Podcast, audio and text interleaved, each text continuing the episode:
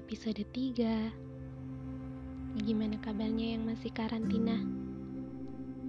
Badan dan pikiran masih bisa dikendalikan kan?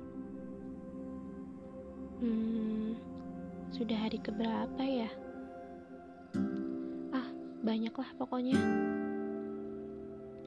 Kalau mulai gila, tahan dulu aja Nanti juga terbiasa Semuanya kan perihal waktu yang akan bantu untuk lewati masa-masa sulitmu. Lagian kita semua sama-sama. Semua rasakan yang sama. Jadi, kuat-kuat ya. Ngomong-ngomong soal kuat, kita sebenarnya bisa gak sih ukur kekuatan diri sendiri?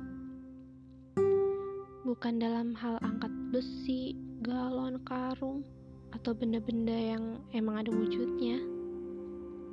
Tapi angkat beban yang penuh sesak di kepala.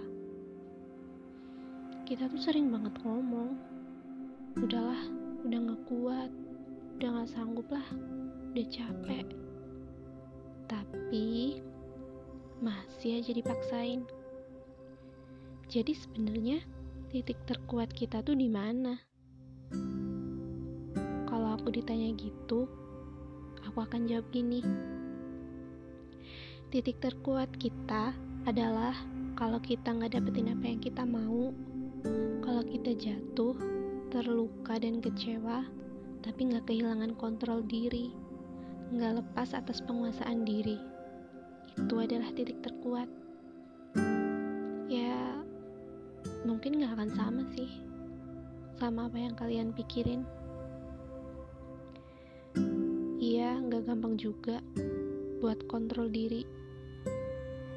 Susah emang. Bahkan, kontrol diri juga nggak bisa serta-merta.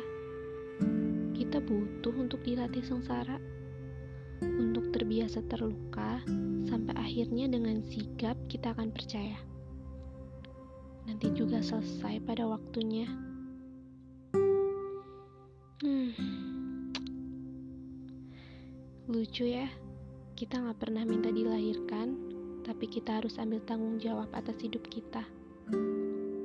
Kita tuh kita harus berusaha, walau kadang gak berhasil juga. Ngomong-ngomong tentang usaha, ada pepatah yang mengatakan kalau hasil gak akan mengkhianati usaha.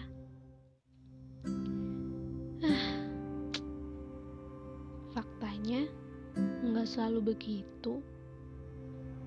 Kadang kita udah berusaha mati-matian, udah menunggu dan kesusahan, tapi dapetnya nggak sesuai. Ya bener, kita nggak selalu dapet yang kita mau. Pada akhirnya, bukan tentang seberapa keras kita berusaha, tapi apakah hal yang kita mau itu memang punya kita atau bukan. Ya, usaha emang perlu, sangat perlu bahkan. Setidaknya kita harus ingat kalau selalu ada batas dalam segala hal. Jadi, kalau usaha keras yang kita lakukan enggak menghasilkan, ya kita akan lebih ikhlas buat nerima. Karena apa yang kita usahakan memang bukan milik kita.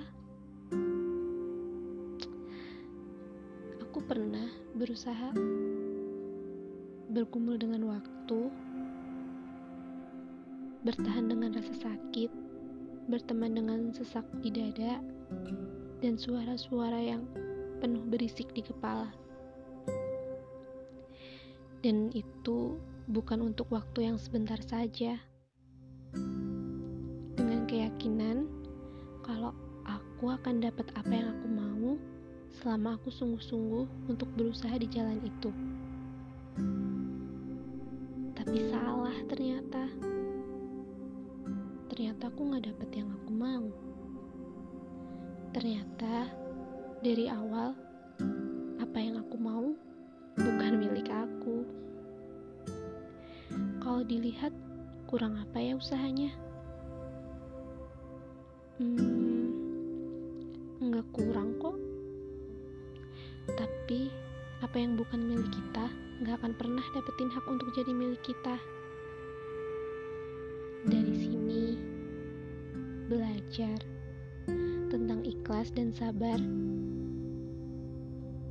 dan tentang kontrol diri dan tentang penerimaan terhadap kenyataan tentang keberanian menghadapi kekalahan tanpa mengutuk Tuhan kita akan lupa dan menjustifikasi kalau nggak adil banget ya. Udah berusaha mati-matian tapi nggak dapet yang diinginkan. Padahal Tuhan siapkan yang berlipat-lipat lebih menguntungkan. Yang memang dari awal sudah akan diberikan untuk kita, yang memang punya kita, yang memang milik kita.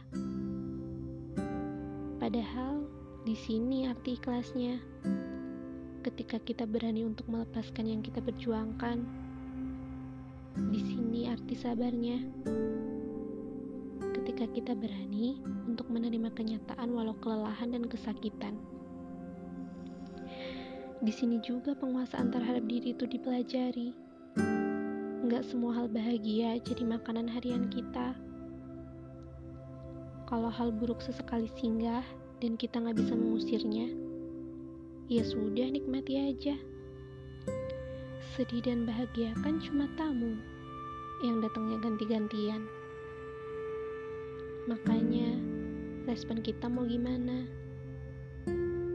Semua itu fase yang mau gak mau akan selalu bertemu.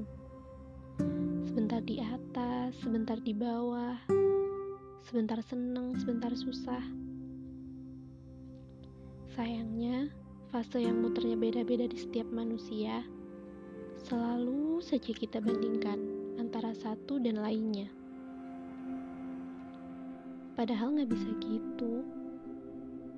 Walau konteksnya sama, waktu berputar dan intensitasnya kan beda. Jadi percuma aja mau dibanding-bandingkan. Ngebandingin nasib sendiri sama pribadi lainnya. Yang akhirnya bakal jadi racun lagi. Lebih nyakitin, lebih bikin terpuruk. Satu hal yang sangat tidak perlu untuk dilakukan. Perbandingan antara diri sendiri dan manusia lain. Mereka berusaha mengejar hal yang sama dan berhasil.